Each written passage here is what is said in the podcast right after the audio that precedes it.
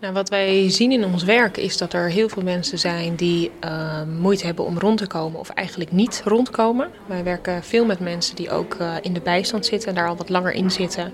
Of mensen die echt de eindjes aan elkaar moeten knopen. Dus dat resulteert erin dat wij ja, met mensen werken die bijvoorbeeld geen nieuwe kleding kunnen kopen. Uh, dat op het moment dat wij een kledingbank aan het oprichten zijn en kleding uitdelen, dat er heel veel anima voor is. Dat er mensen zijn die bij ons op de gratis soepmiddag komen en dan ook soep mee naar huis nemen. Omdat ze gewoon niet zoveel te eten hebben of ook niet de capaciteit hebben om gezond te eten. Of daarin ja, slim genoeg zijn om gezonde producten te kunnen kopen vanuit het budget dat ze hebben. Dus je ziet gewoon dat het mensen zijn die ook aan het worstelen zijn om uh, überhaupt die dagelijkse boodschappen en de energiekosten te kunnen betalen, de huur, om hun woning netjes te kunnen inrichten. Uh, mensen die het moeilijk vinden dat ze geen kleding voor hun kinderen kunnen kopen. Uh, mensen die bijvoorbeeld geen fiets kunnen kopen en, of niet op fietsles kunnen en daardoor ook beperkt zijn in hun mobiliteit. Dus armoede heeft op heel veel vlakken invloed. Nu heeft de gemeente een nieuw armoedebeleid uh, ontwikkeld voor 2024 uh, en tot 2026. Wat zit er in de plannen van je, jullie denken, ja, hier, hebben, hier kunnen wij uh, wat mee? Wat wij goed vinden aan de plannen is dat het uh, uh, ook redelijk positief is ingestoken en met een uh, doelgerichte aanpak. Dus dat de wethouder heeft natuurlijk ook genoemd, ja, we willen eigenlijk echt naar de mensen toe. Dus als je het hebt over huisbezoeken doen bij de mensen aanbellen, daar zijn wij groot voorstander van. Want dat is ook het werk van bus. Wij zorgen echt dat de mensen in beeld komen waar het om gaat. En wij geloven ook in de proactieve houding. Dus dat is een heel mooi aanknopingspunt. Um, wij denken dat het een redelijk beeld geeft ook van uh, uh, de cijfers en de groepen mensen. En wij denken ook dat daar nog een breder beeld in kan ontstaan van wat voor soort mensen gaat het nou eigenlijk, welke ja, achtergronden hebben die mensen en welke aanpak is daar dus ook voor nodig. Want wij geloven wel heel erg in maatwerk aanpakken. Echt kijken naar wat de persoon voor je nodig heeft. En daar, daar valt niet één regel voor te ontwikkelen. En wat we goed vonden ook is dat er in het plan inzicht wordt gegeven in de regelingen die er zijn. Want dat is soms ook nog wel even zoeken. En het concrete daarvan zouden we ook nog meer in het plan willen terugzien. Want wij denken dat dat dus een heel mooi haakje is om het beleid wat nu is ontwikkeld te concretiseren in die wijken. Ja, het idee is toch wel vaak de kritiek erop. Er zijn regelingen, er is uh, van ja. alles. Maar het is lastig om het aan te vragen. Mensen weten er niet van of denken dat het niet uh, voor hen is. Nou ja, we hebben nu onlangs ook nog de, de, de zuinige koelkastregeling gehad. Ja, waar aan de ene kant mensen dan zeggen, nou, is hartstikke mooi. En, en ook mensen zeggen, ja, maar in de praktijk uh, pakt het heel slecht uit. wat is jullie ervaring daarmee? Want wij herkennen dat er soms regelingen worden bedacht die niet aansluiten bij de praktijk van de mensen. Dus in het geval van die koelkastregeling ontstond er een situatie dat mensen uh, bijvoorbeeld voor 300 euro een nieuwe koelkast konden kopen. Maar eigenlijk waren al die dure ecovriendelijke koelkasten 600 euro. Dus dan gingen mensen de overige 300 euro lenen bij een vriend of vriendin. Ja, dan zo ontstaan er problemen bij mensen. En door daar even samen over na te denken en dat soort regelingen eigenlijk te toetsen bij onze mensen, kunnen we die regelingen verbeteren. En de gemeente heeft daar ook onwijs voor opengestaan. En we hebben samen ook gekeken wat werkt dan wel en hoe kunnen we het aanpakken. En dat is ook wat we vaker gaan doen. En wij noemen dat de busbrains. Dus dat deelnemers echt meepraten over regelingen, want daar zit de ervaring en de kennis. En die busbrains die zetten we dan in bijvoorbeeld voor de gemeente voor regelingen. Maar dat kan ook voor andere partners zijn of ideeën in de stad, in de wijk, die we willen toetsen voordat we ze gaan uitrollen. Zodat we echt zorgen dat het aansluit bij de mensen waar het om gaat. Wat er echt nodig is, is het, uh, het werken in de wijk. Dus dat wat er gebeurt rondom armoede, dat dat in die wijken kan plaatsvinden. En dat mensen daar heel makkelijk gebruik van kunnen maken. Dan wel via ons, uh, dan wel via onze partners. Dat er ruimte is om te experimenteren en uit te proberen omdat, wat ik al zei, geen één persoon is hetzelfde. Dus niet één regeling werkt voor iedereen.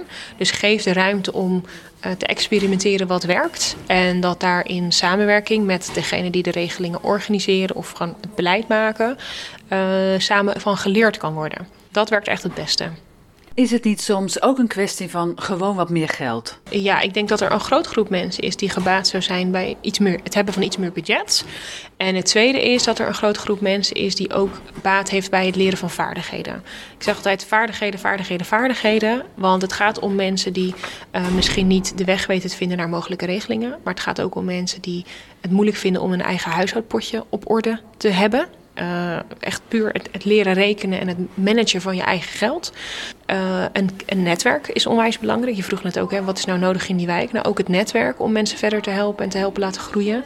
Want er zijn genoeg mensen bij ons die via vrijwilligerswerk misschien ook wel nog naar een betaalde baan of naar een opleiding kunnen. Door al die kleine stappen te maken, ontwikkelen ze ook toekomstperspectief. En daardoor geloven mensen ook weer in zichzelf. Ik zeg altijd, mensen komen soms een beetje met hun schouders naar beneden en naar binnen. En gaan vaker met hun schouders naar, naar achter. Hè? Trots, borst vooruit, kin omhoog, komen ze weer naar buiten als ze een, een traject bij bus hebben doorlopen. En dat gun ik heel veel mensen in die wijk. En daar is dus kennis, vaardigheden en netwerk voor nodig. En door daarop in te steken, groeien ook mensen. En gaan we denk ik ook zorgen dat mensen ook uit de armoede gaan komen klinkt natuurlijk echt, echt heel mooie, goede aanpak. Maar het klinkt ook wel dat ik denk, ja, er zijn wel heel veel mensen voor nodig. Onze ontwikkelmakelaars die uh, zorgen ervoor dat er uh, voldoende vrijwilligers zijn om te ondersteunen en ook mensen te coachen en in het traject begeleiden. Uh, we hebben een groot netwerk aan trainers en partners, wiens expertise we naar de wijk halen om te zorgen dat zij trainingen kunnen geven of cursussen of inloopspreekuren kunnen draaien, zodat mensen alle vragen kunnen stellen die ze willen. En we zorgen bijvoorbeeld ook voor dat we mensen via werkervaringsplekken aannemen. En daarvoor hebben we dan weer een regeling met bijvoorbeeld een fonds. En daardoor kunnen wij iemand aannemen die ook in die wijk actief is. Extra handen en voeten in de wijk. Waardoor we toch een grotere groep mensen kunnen bereiken dan alleen met het team van Bus. Wat bestaat uit nu negen mensen. Uh, ja, daar kan je natuurlijk nooit 15.000 leidenaren voor bereiken. Maar door slim te werken proberen we een zo groot mogelijke deel van die groep te bereiken. In het stuk uh, wordt ook wel gesproken over een loket. Nou, daar ben ik geen voorstander van. Want dan heb je weer één punt waar iedereen naartoe moet. Nee, ik vind implementeer het nogmaals in die wijken. Gebruik onder andere de locaties van bus. Om daar te zorgen dat mensen terecht kunnen met vragen rondom armoede. Of daar training kunnen krijgen in uh, omgaan met hun geld. Of als er schulden zijn, dat ze daar geholpen kunnen worden om daar informatie over te krijgen en te leren hoe ze eruit kunnen gaan. Ga naar de mensen toe, ga in die wijk toe. Dan pakken we echt de essentie en de core aan van wat er nodig is. Ja, de eerste reactie had de directeur van Sociaal Wijk ook gezegd, ja, zij mist ook wat, nog wel wat voor speciale groepen. Zien jullie dat, dat ook in jullie werkgebied? Ja, dat, dat merken wij ook. Wij merken wel dat er echt wel verschillende groepen mensen zijn die uh, in die armoede zitten en daarom dus ook een andere aanpak nodig heeft. Wij vinden uh, groepen die specifieke aandacht verdienen zijn bijvoorbeeld ook uh, alleenstaande moeders, moeders met een migratieachtergrond, nieuwkomers. Um, wij hebben ook wel een mix daarin tussen wat oudere mensen en jongere mensen. Wij zien ook wel dat oudere mensen soms al zo lang vastgesleten zitten in een patroon rondom geld en leven, dat ze echt weer een andere input een impuls ook nodig hebben. En wij zien ook wel um, juist jonge mensen, misschien met jonge gezinnen, waar de preventie nog essentiëler is, omdat deze mensen zelf worstelen en vervolgens ook lastig vinden om het hun kinderen te leren. Dus daar zien we ook wel echt een dubbele aanpak uh, nodig. En uh, goede raad voor de wethouder en de gemeenteraad? Van waar, waar moeten ze nog aan schaven in dit plan? Nou, ik heb uh, samen met een flink aantal uh, partijen uh, een reactie ingediend. Um, wij noemen dat eventjes de taskforce rondom armoede. Om echt doelgericht dat aan te pakken en onze krachten te verenigen. En een van de adviezen is ook de preventie. de concretisering van het stuk. En daaraan gekoppeld hebben wij gezegd, doe dat met ons. Wij voelen ons ook echt aangesproken. In het beleidsplan staat ook duidelijk we. En wij voelen ons we. Want we zijn leider. Samen met gemeente, met wethouder, met Uh, met deelnemers ook, met de inwoners zelf, heel belangrijk. En we willen graag dit uh, uh, beleid samen verder vormgeven en uitvoeren. Dus dat, dat is echt mijn wens en een oproep.